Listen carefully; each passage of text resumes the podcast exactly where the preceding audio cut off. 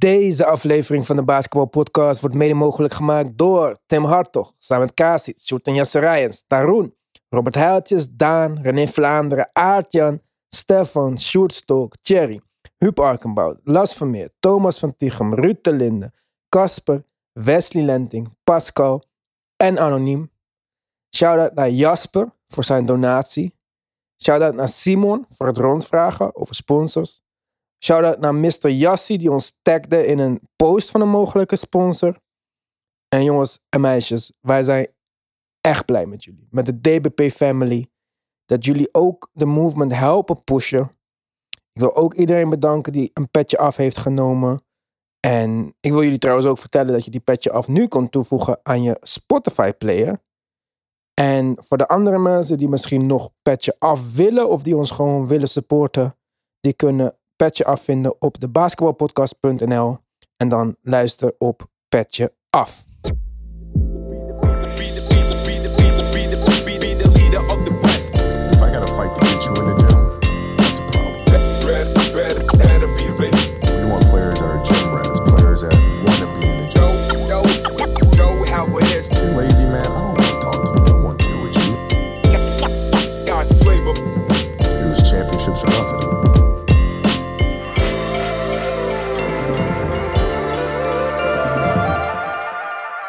Het zijn wel de welcome back weken in de NBA. Vorige week was het Kyrie die we vanaf nu weer in Brooklyn kunnen zien. Deze week is het Paul George in Los Angeles.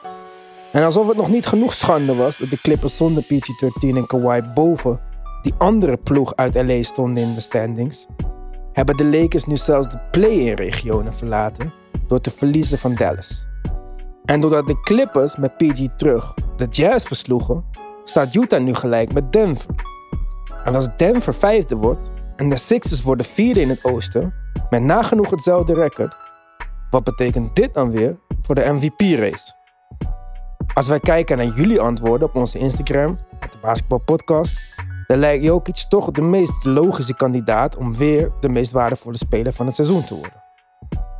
LeBron is niet meer in die conversation en soms vraag ik me af hoeveel jaar hij daar nog bij kan horen. Zijn impact de laatste bijna 20 jaar was zo groot. Vooral in Cleveland natuurlijk. Vooral als je beseft dat de Cavaliers dit jaar pas hun eerste winning season hebben neergezet zonder King James in hun team sinds 1998. Het is zo'n leuk einde van het regular season en ik denk dat wij samen met jullie een hele spannende playoffs gaan beleven. Hier natuurlijk en op petje af met de family, waar ik zo meteen trouwens nog een leuke speler A, speler B vraag heb voor jullie. En alsof deze uitzending nog niet leuk genoeg werd, aanstaande maandag verwelkomen wij een hele speciale gast terug in de basketbalpodcast. Misschien dat hij deze keer wel zijn kampioenschapsring meeneemt. Hij is tenslotte de enige in Nederland die er één heeft. Dan hebben we het natuurlijk over Francisco Elson. Heb jij vragen voor hem over dit seizoen? Stuur ze dan naar info@thebasketballpodcast.nl. Basketbal met 1L natuurlijk. Ik ben sowieso benieuwd naar zijn takes. Maar we gaan het nu eerst hebben over die spannende strijd in het Westen. Want we praten de afgelopen tijd eh, maar over het gekke Oosten. En waar ik bijna Boston bovenaan mijn persoonlijke rankinglijst wou zetten, scheurt Robert Williams plotseling zijn meniscus. En hoe goed was die wel niet? Ik ben weer eens laat op de bandwagon. Maar ik heb wat wedstrijden teruggekeken en ik denk niet dat hij de Defensive Player of the Year is per se. Maar als er een award was voor de beste romer, stond hij wel eerst, denk ik. Dus hopelijk zien we hem weer terug in de playoff. Maar voor nu genoeg over het oosten, dat westen dus. Het leek zo saai, zo goed als Phoenix was het hele seizoen. Maar vooral vanaf plek 4 tot en met de play-ins wordt het leuk. En Paul George kwam terug. Dat wou ik sowieso wel even zien. En ik moet zeggen, ik ben super enthousiast over deze Clippers Jazz wedstrijd. Ik heb daar wat takes uitgehaald. Het was natuurlijk ook een playoff matchup vorig jaar. Ik heb zelfs wat medelijden gekregen met Rudy Gobert misschien. Maar Donovan Mitchell zei het al. Het was the same shit. En the same shit, dat was het. Want uh, hetzelfde als in de playoffs, jongens. Maar trekken Rudy Gobert zo ver mogelijk naar de buitenkant. En dan verdrinkt hij in deze oceaan aan eenzame ruimte die hij moet ja, dekken in zijn eentje. Ze stonden 20 punten voor, misschien zelfs 24. Ik lag eh, gelokt in mijn sauna. Ik kon hem niet eens uitzetten. Dus ik dacht, nou, ik hoop dat het nog wat wordt. en de Clippers kwamen zomaar terug. Same shit. Different day. Hetzelfde resultaat. En we gaan zo natuurlijk meer over die wedstrijd hebben. Maar jullie, een van jullie zei vorige keer, of een van de vorige keren, dat de jazz niet inspiratieloos oogde of niet uh, futloos. Maar daar ben ik het niet mee eens. Want ik heb ze gezien gisteren. En ik vind dat de coach futloos is. Ik heb geen nieuwe ideeën gezien. Ik heb simpele play na simpele play gezien. En soms werkt het om eventjes wat plays uit je playbook te halen en het wat meer back to basic te doen. Maar in dit geval niet. En dit probleem met Gobert is nog steeds niet opgelost. Dit is de formule om hem te verslaan. Waar de Hartenstein die gewoon uh, ja, een soort van uh, hand-off game speelde. Bijna op de driepuntlijn. En Gobert was weg bij de ring. En dat was het dan. Dus zijn jullie het met mij eens dat dit de laatste ronde is voor deze jazz? Ik denk daar zijn we wel over eens. Maar de reden dat ze zo eruit zag in het wedstrijd is een hele andere reden. Paul George was pas gisteren geactiveerd. De Jazz hadden, wisten niet dat hij zou spelen. Ze hadden natuurlijk voor iets anders bereid. En ineens zie je en Joel, Paul George die 34 minuten speelt. Ja, natuurlijk. Het zag er heel goed aan het begin, maar ze waren gewoon niet klaar voor. En ik denk dat maakt, dat, daar moeten we ook rekening mee houden. Ze zijn niet in de beste vorm. Maar dat is wel belangrijk om mee te. Het is niet alsof je kan ineens... Ja, maar het is een regular season game. Hè? Dus dit echt plannen op je opponent is niet echt zo erg van sprake, denk ik. En het kon ook zonder Paul George. Het was niet het verschil wat Paul George maakte. Ik bedoel dat hij goed was of dat hij zijn punten scoorde. Want volgens mij had hij 50% van de field en eh 75% van drie of zo. Dat is natuurlijk extreem goed. Maar dat was niet wat Gobert uit die paint trekt, zeg maar.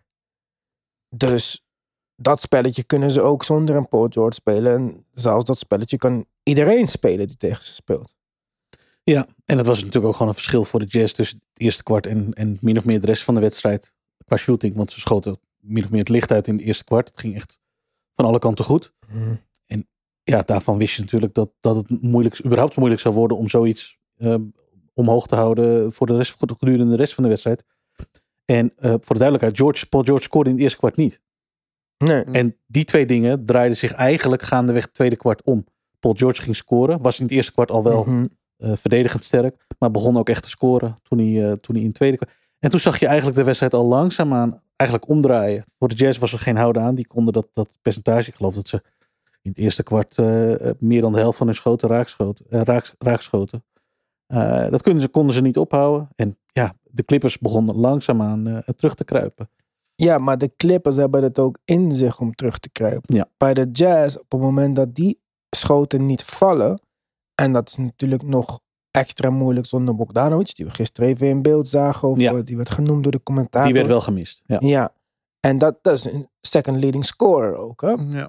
En kijk, Gobert, hoe, hoeveel hij ook wil dat hij een postspeler gaat worden, ja, dit, dit zit er gewoon niet in, zeg maar. Nee. En Mike Conley is ook niet een scorer puur sang, zeg maar. Dus ja, wie stept er dan up, zeg maar? Jordan Clarkson is niet meer Six Man of the Year kandidaat, kaliber. Rudy Gay hadden we misschien ook allemaal ietsje meer van verwacht.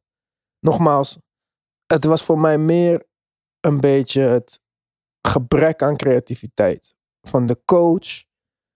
Het gebrek aan creativiteit van Donovan Mitchell.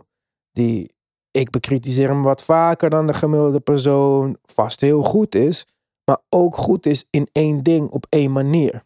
En wat bij hem soms het verschil kan maken tussen een normale wedstrijd en een fantastische wedstrijd. Is als hij boven gemiddeld schiet. Want als hij boven gemiddeld schiet, is hij een all-star level speler. Maar zonder dat, ja, Wat kan hij dan doen in zijn eentje? Ja, ik ben het met je eens. En ik denk dat je net ook de, de, essentie van hun probleem aankaart. En dat is dat op het moment dat het niet goed gaat, zijn de Jazz incapabel gebleken om dat op een, op een creatieve manier, laten we zeggen, om te buigen. En dat is iets wat ze al, wat ze al wel vaker hadden. De Jazz zijn een, een, een veel driepunt schietend team. Eh, hoog in attempts, goed in percentage. Maar op het moment dat die schoten in de wedstrijd niet vallen, ja, dan moet je ook plan, plannen B hebben, zeg maar. En ja, dat ontbreekt er nog wel eens aan bij ze. Ja, en dat is wat ik al eerder zei. In het verleden was Quinn Snyder een van de meer creatievere coaches. Met een uitgebreid playbook, met wat meer ja, rare plays, om het zo maar te zeggen. En het was nu allemaal best wel basic. Maar ja, als je best wel basic dingen doet en je doet ze keer op keer hetzelfde en het lukt op een gegeven moment niet meer, en dan was dat het, zeg maar. En ik denk dat dat niet een Quinn Snyder idee is om het simpeler te maken. Als in dat lijkt hem beter qua filosofie. Ik denk dat het meer aanpassen is op de spelers, op nieuwe spelers die erbij zijn gekomen. En misschien ook dat de rekker uit is en dat het team ja, misschien niet meer zo gelooft allemaal in wat die coach te zeggen heeft. Dus dan, ja, dan maak je het wat simpeler. En we hadden al de geruchten dat Snyder misschien de volgende coach van de Spurs zou uh, gaan worden. We hebben de geruchten gehad over Donovan Mitchell. Dat hij naar New York zou willen. Ik weet hoe serieus je moet nemen dat iemand naar New York wil. Want daar zou je toch niet naartoe moeten willen als, uh, als je wil winnen. Maar ja, voor mij dit alles bij elkaar, of met dat in mijn achterhoofd, kijken naar de wedstrijd. Dan zie ik gewoon een team die nu dus gelijk staat met Denver. En het is, het is letterlijk gelijk. Ze hebben de tiebreaker, denk ik. Want in de standing staan ze vijfde. Denver staat zesde. Maar als ze ook maar één wedstrijd meer verliezen dan Denver vanaf nu, dan eindigen ze als zesde. Eén plek voor de play-in. Het is niet een team wat de afgelopen jaren heeft geschitterd in de playoffs. Ze kregen vooral praise voor hun regular season prestaties.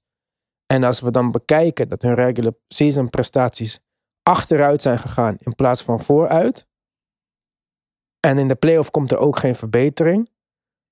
Wat, we, ja, wat ik toch wel vrij zeker durf te zeggen. Dan is dit team klaar. Dan is de rek uit deze samenstelling eruit. Ja, dat laatste denk ik ook echt. Volgens mij hebben ze een core die nu drie, drie volledige jaren samengespeeld heeft. En uh, er zit natuurlijk een bepaalde houdbaarheidsdatum op een core. Dat, en dat, daar zijn de Jazz, denk ik, als je zo naar ze kijkt, wel een goed voorbeeld van. Ik heb ze de afgelopen tijd natuurlijk wel met wat meer interesse gevolgd. Omdat ze waarschijnlijk Dallas zouden gaan spelen in de eerste ronde. Zoals we naar de stemmings kijken, zoals we nu opnemen, is dat nog steeds het geval. Maar goed, het staat dichtbij bij Denver.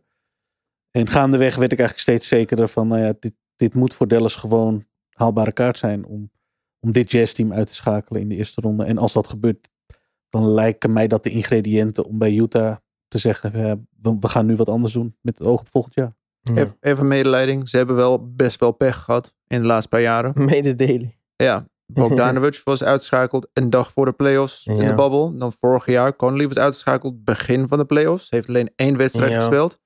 En dan Donovan Mitchell speelde op één enkel, had hij toegegeven. Mm. Dus en Kawhi was oud en Paul George met een geblesseerde elleboog. En ze verslaan diezelfde jazz.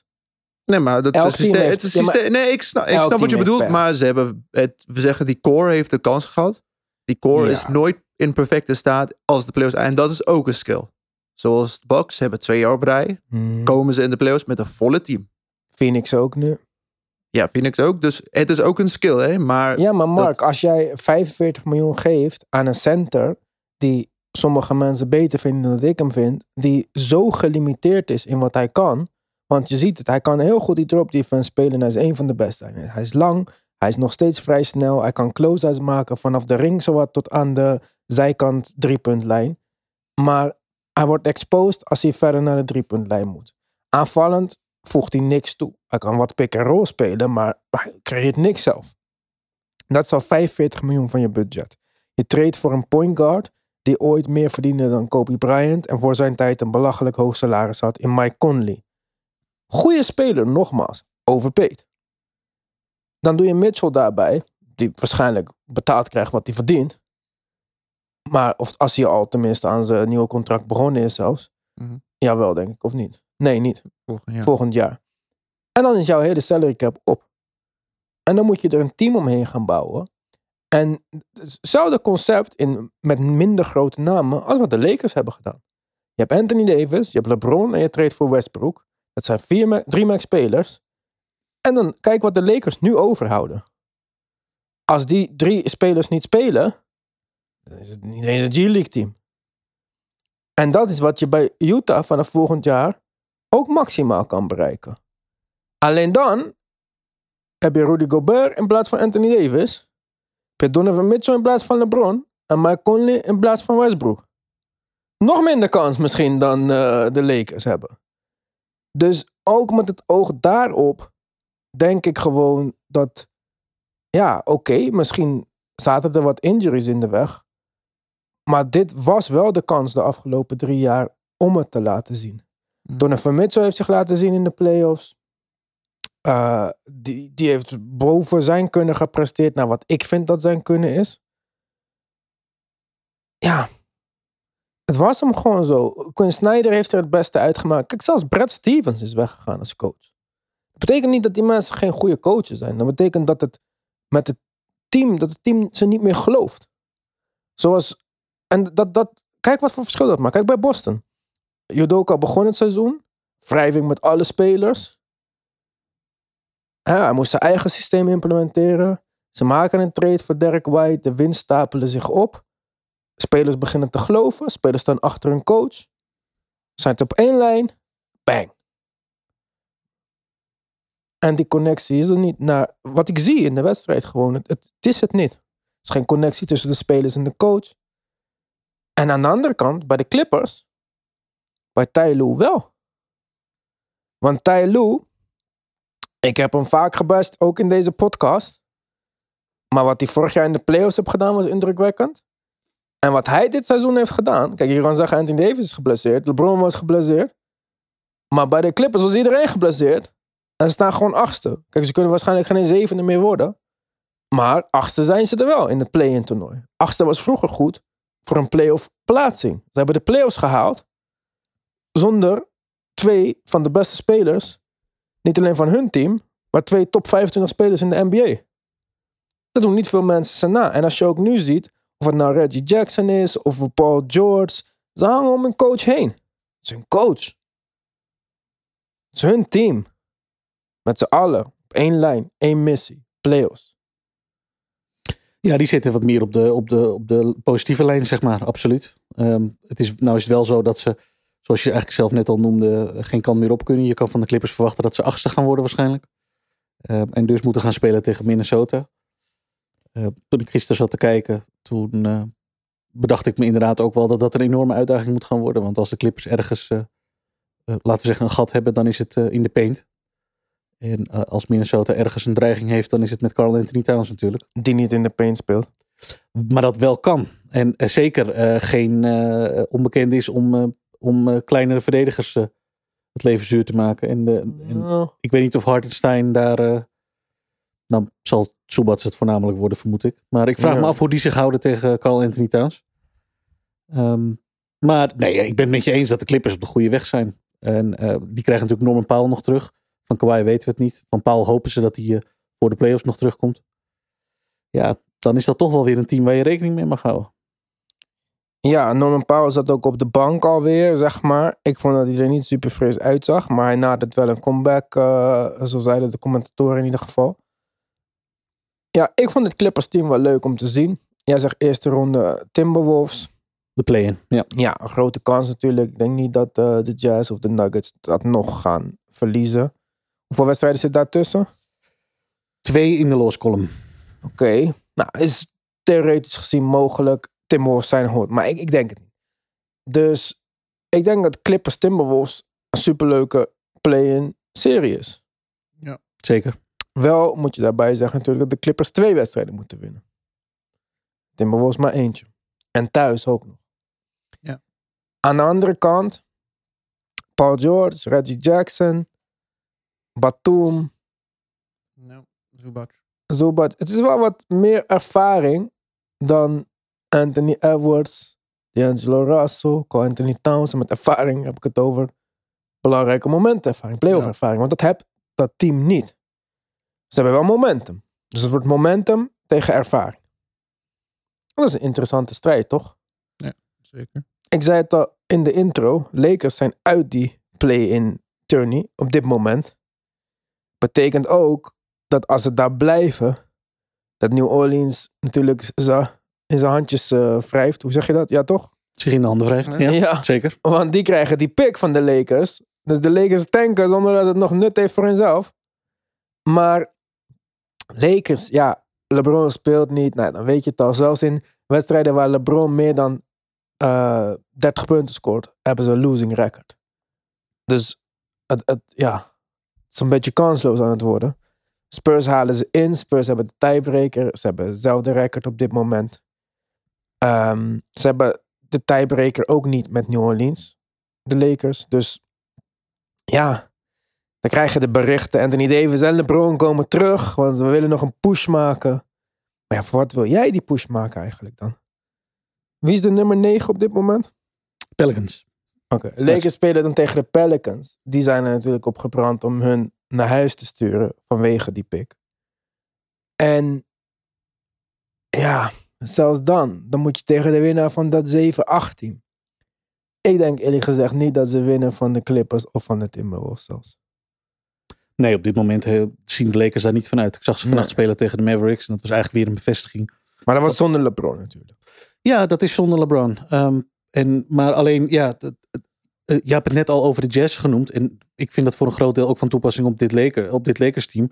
Eh, het seizoen loopt, nou ja, zo, verloopt zo relatief dramatisch voor ze. Je kan aan die ploeg ook zien dat er, er zit geen, geen passie, geen inspiratie in. En ik weet niet of op dit moment, op dit punt, LeBron dat nog direct omdraait. Ik kan me voorstellen dat als hij weer binnen de lijnen staat, dat je als teamgenoot ook denkt van nou, we gaan er weer voor. Mhm. Uh, maar het is niet zo dat dat team daar ineens helemaal hè, van opleeft. In de, in de sens dat ze van een, laten we zeggen, een nummer 10 ploeg een, een nummer 6 ploeg worden. Dat, dat verschil maakt LeBron helaas ook niet meer. Dus ik weet niet. De Ik, ik denk dat ze sowieso een hele kluif gaan krijgen. Als ze al in de play-in komen. Volgens mij is het voor hun nu zaak om daar überhaupt te komen. Om überhaupt die play-in te spelen. En het gegeven dat dat Ik denk dat is belangrijk voor LeBron. Als ze in de play-in komen, dan twee wedstrijden winnen en dan eerste ronde uit. Prima. Maar die twee, die twee play-in Ja, momenten, lopen dan echt is hij, zaken vooruit. en dan hij het meest winnende play-in play speler ooit ook. Dat is ook iets dat hij kan doen. En natuurlijk, de eerste, de eerste 10 minuten tegen de Pelicans was LeBron echt aan. Hè? Hij speelde defense, hij speelde de offense, alles veel. Oké, Maar dan gaf hij de bal aan Wenyan Gabriel, DJ Augustine. En dan Westbrook. En dan wie, is hun, wie speelt center bij hun momenteel? Als LeBron niet aan? Ja, dus Wenyan Gabriel. Ik weet het- Gabriel eh, start, hè, Mark, Ja, maar hoeveel mensen, als ze Wenyan Gabriel zouden zien, zullen gelijk herkennen dat het Wenyan Gabriel is. Ja, ik Klopt. denk Ik- zo dat de hoop mensen niet meer weten wie DJ Augustine is. Maar eh, Precies. dat dus- denk ik ook. Ja, maar dat niet alleen. Kijk, jij noemt dit scenario en dan pakt het zo uit voor LeBron. Kijk, ik weet niet hoeveel pijn LeBron echt heeft. Maar als ik hem was, zou ik nu kijken en dan zou ik denken... Ja, wat wil ik nou toevoegen aan mijn record? Een first round playoff exit? Want hij moet ook begrijpen dat, het, dat er niks in zit. Hm. zit. Er zit echt geen Western Conference Finals run in. Dat moet hij toch weten, na dit hele seizoen. En zelfs als je denkt dat het met AD terug beter gaat, ga maar even dan die wedstrijden terugkijken, dat AD ook fit was. Maar laten we wel wezen, want play-offs halen, en we lopen, vind ik, inderdaad vrij ver Ja, dat is, dat is heel ver Ik vooruit. vind play-in halen voor hun nu, als, als ze dat voor elkaar krijgen, oké, respect, klaar, prima. Maar de, de vanuitgaande dat ze het voor elkaar krijgen om de play-offs te halen, worden ze achtste. Spelen ze tegen Phoenix. Het beste team, ja. niet alleen het beste Dus team, dat het beste, ik, beste first team. round exit, Ja, wil je dus- dat op jouw op jouw eh, ding bijschrijven? Of zeg je van LeBron James out voor de s- rest of the regular season? En dit was hem. Of je kijkt, in 20 jaar, mensen hebben nooit LeBron gekeken. Wauw, deze man is 19 van de 20 jaar in de league was, naar de playoffs gegaan. Dat ga je herinneren. Niet dat hij... Maar hij is niet 19 van de 20, Oké, 18. 17 denk ik. Dat is zijn 19e seizoen? Ja. Oké, Hij heeft sowieso hij is één jaar met de. Lakers gemist in zijn eerste jaar met Cleveland. Oké, dus hij is 17 van 19. 17. Ja. En dit zou, ja, dit, zou, dit zou de 17e keer zijn. Dat ziet er wel beter uit als je terugkijkt in zijn eh, Hall of Fame en dat soort dingen. Toch? Het, het is een stat. Het is een mooie Ook. stat. Maar ik zou gewoon niet die herinnering willen van... eh, ik zou liever dan zeggen, kijk, toen, toen ik uit was... Toen was ik de leading scorer in de NBA. Mhm. Dan dat ik zou zeggen van... ook ja, dat jaar was ik een first round playoff exit. Snap je? Als, Ja. ik, als ik dat zeg van ik ben, ja, ik, ik moest stoppen, I had to shut it down. Maar ik was leading scorer in de NBA. We're about to get AD back. Dat is een mooiere, ja. voor nu in ieder geval is dat mooier om te zeggen. Spurs hebben wel een moeilijke schema. Ze hebben, Dertiende toch? nee, vierde, vierde moeilijkste schema. Lakers hebben het derde moeilijkste. Ja, dus het is niet een groot verschil. Maar Maar kijk eens de teams tegen wie de Spurs spelen dan. oké, de Spurs moeten tegen de Grizzlies één keertje. Ze moeten tegen de Warriors, tegen de Mavericks, tegen, tegen de Nuggets en tegen de Timberwolves. Maar Oeh. ze hebben twee makkelijke wedstrijden tegen Portland. Ja, maar dat zijn wel alle, alle voor de rest, behalve de Warriors die nu heel slecht spelen, zijn eh, winbaar. Ik heb Ja. nog iets over de Warriors, zometeen een putje af. Iguodala heeft de uitspraak gedaan, Ja. maar zo putje af. En tegen wie moeten de Lakers nog De spelen? Lakers grootste wedstrijd tegen de Suns, de Warriors, één keer tegen de Jazz, twee keer tegen de Nuggets. Dan hebben ze de Thunder, dat gaan ze wel doen. denk ik. Dat redden ze wel. Hmm. Dus het, ze zijn even moeilijk. En ik denk omdat de Suns hoger staan en ze hebben meer wedstrijden gewonnen, Suns lijkt, lijkt, alsof, lijkt alsof ze een veel moeilijker schema hebben. Ja. Maar ja, we gaan zien. Ik denk dat ze het net redden. De Lakers. Ja, net redden en eh Wat denk jij? De play-in of de play-offs? play-in. Play-in. Play-in, play-in. Eh, de play-in zie ik ze ook nog wel halen. Ehm, maar daaruit komen, nee, dat vind ik zeer onwaarschijnlijk. Ja, Francisco komt eh, maandag. Dus ik zeg, eh, go Spurs. Zo is dat. ja, toch? Goed, ja. En vorige week hadden we even snel een rondje gedaan om te kijken hoe het er bij jullie voor stond eh, qua MVP-peiling. En volgens mij dachten wij toen dat het Embiid ging worden. En hoe wordt het? Maar we zijn een weekje verder. En ik ben toch weer terug op die Jokic-kant van de weegschaal. Komt dat door de ESPN straw poll die uit is gekomen, die toch wel erg het voordeel van. Jokic... eh, ja. En door onze eigen poll onder onze luisteraars, waar toch naar mijn verbazing, ja, bijna unaniem Jokic, Jokic, Jokic, Jokic, Jokic werd gezegd. En Ja. trouwens ook nul keer Jannes, wat ik ook raar vond. Dat is ook opvallend, klopt. Ja.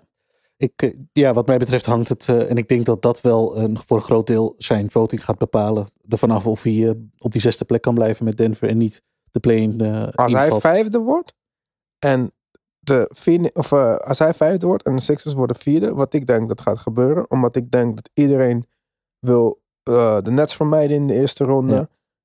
Behalve de Bucks, die boeit niemand tegen wie ze spelen, want die hebben zelfvertrouwen. Ik denk dat Philly, oh, Philly loopt ook niet zo goed. Ze verliezen gisteren zelfs met een goede James Harden. Goede tussen aanhalingstekens. Want eh, zo goed vind ik hem niet eh, met zijn dribbel één op één gedoe.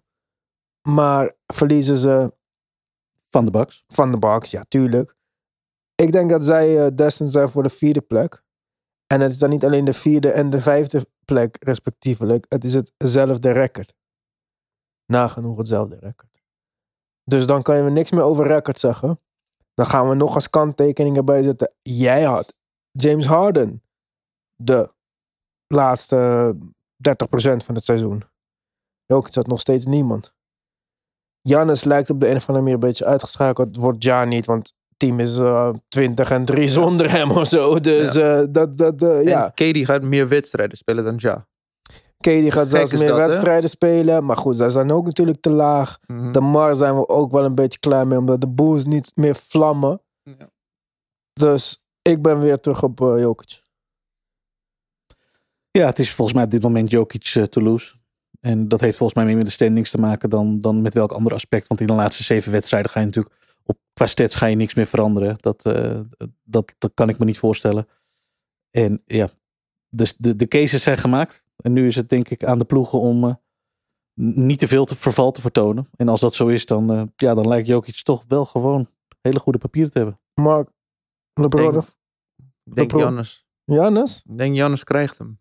Oké, wat een rare... Ja. We gaan maandag kijken wat Francisco te zeggen heeft. Dan zijn we weer op dit kanaal. Wij gaan nu verder op Petje Af. Petje.af slash de basketbal podcast. Bedankt voor het luisteren en tot de volgende keer.